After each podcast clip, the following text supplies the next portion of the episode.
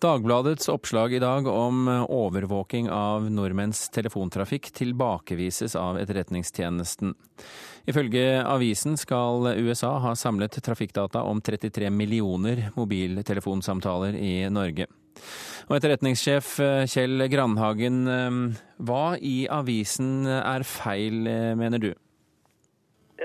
Er feil her, er at eh, det hevdes at dette dreier seg om eh, amerikansk innhenting mot uh, nordmenn, og altså norske telefonsamtaler.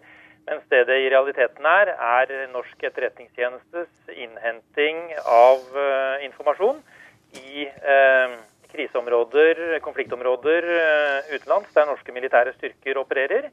Og også det vi gjør i forhold til innhenting mot internasjonal terrorisme. Eh, og da vi ble klar over dette, så syntes vi det var viktig å få uh, klarlagt uh, hva de faktiske forhold her var. Dagbladet hevder jo å ha dokument, dokumenter som underbygger de påstandene de skriver om. Hvordan kommenterer du det? Ja, altså jeg, jeg, jeg strekker meg så langt som at jeg, jeg forstår at Dagbladet og også andre europeiske medier kan ha trukket den slutningen de har gjort ut fra det de har hatt tilgang til på, av, av informasjon. Men det har altså åpenbart ikke vært det komplette bildet. Og i dette tilfellet så er det ingen tvil om at disse tallene refererer seg til det jeg sa, nemlig norsk etterretnings innhenting mot, uh, mot mål i utlandet. Men hvis det er viktig for dere å få frem korrekte opplysninger, hvorfor kommenterte ikke dere dette i forkant?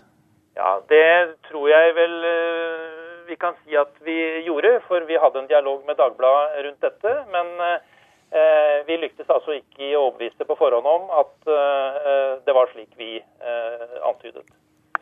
Etter lekkasjene fra Edward Snowden, som tidligere arbeidet for en underleverandør av det amerikanske overvåkingstjenesten NSA, så har det vært flere avsløringer om overvåking bedrevet av både USA og Storbritannia. Hvor etterrettelig mener du, Granhagen, at journalistikken som vi leser og, og hører om i Norge, eh, hvor etterrettelig er den på bakgrunn av de lekkasjene som har kommet frem? Da må jeg bare si at, at jeg har jo ikke ikke noen fullstendig oversikt over amerikansk etterretningsvirksomhet. Og jeg kan ikke ta som et sannhetsvitne for hvorvidt mediene er eh, gode eller dårlige til å eh, fremstille dette.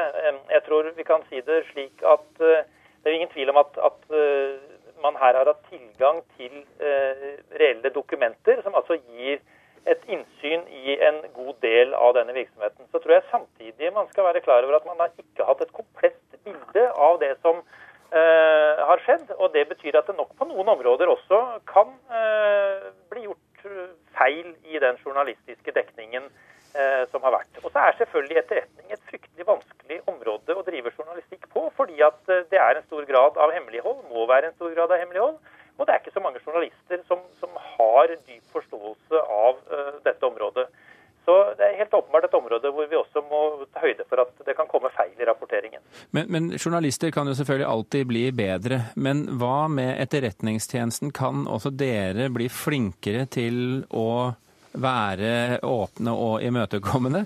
Jeg skjønner at selvfølgelig at det er Etterretningstjenesten jeg snakker med her, men jeg spør likevel. Ja, og det er et godt spørsmål. Eh, jeg har følt det som min oppgave de fire årene jeg har vært etterretningssjef, å være så åpen jeg kan på de områdene hvor jeg kan være åpen. Det er altså helt klart at uh, På en rekke områder så kan jeg ikke være åpen. Jeg kan ikke beskrive våre kilder og våre metoder og kapasiteter i detalj, fordi at da ødelegger jeg for vår mulighet til å, å, hente inn særdeles viktig informasjon for Norge. Men på alle de områdene jeg kan være åpen, så har jeg forsøkt å vært det.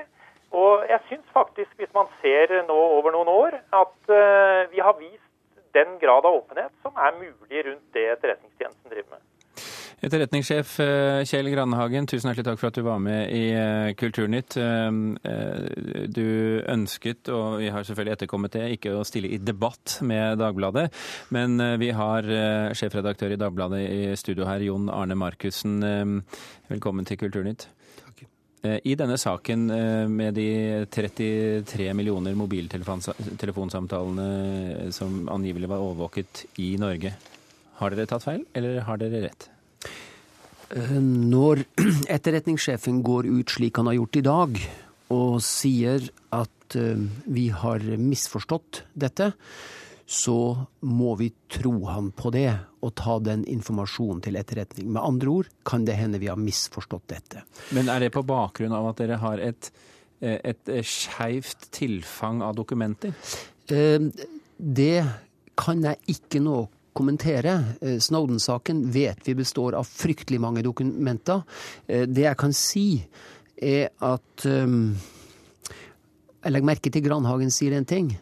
Han kan naturligvis ikke stå som garantist for hva amerikanerne måtte gjøre i enhver sammenheng.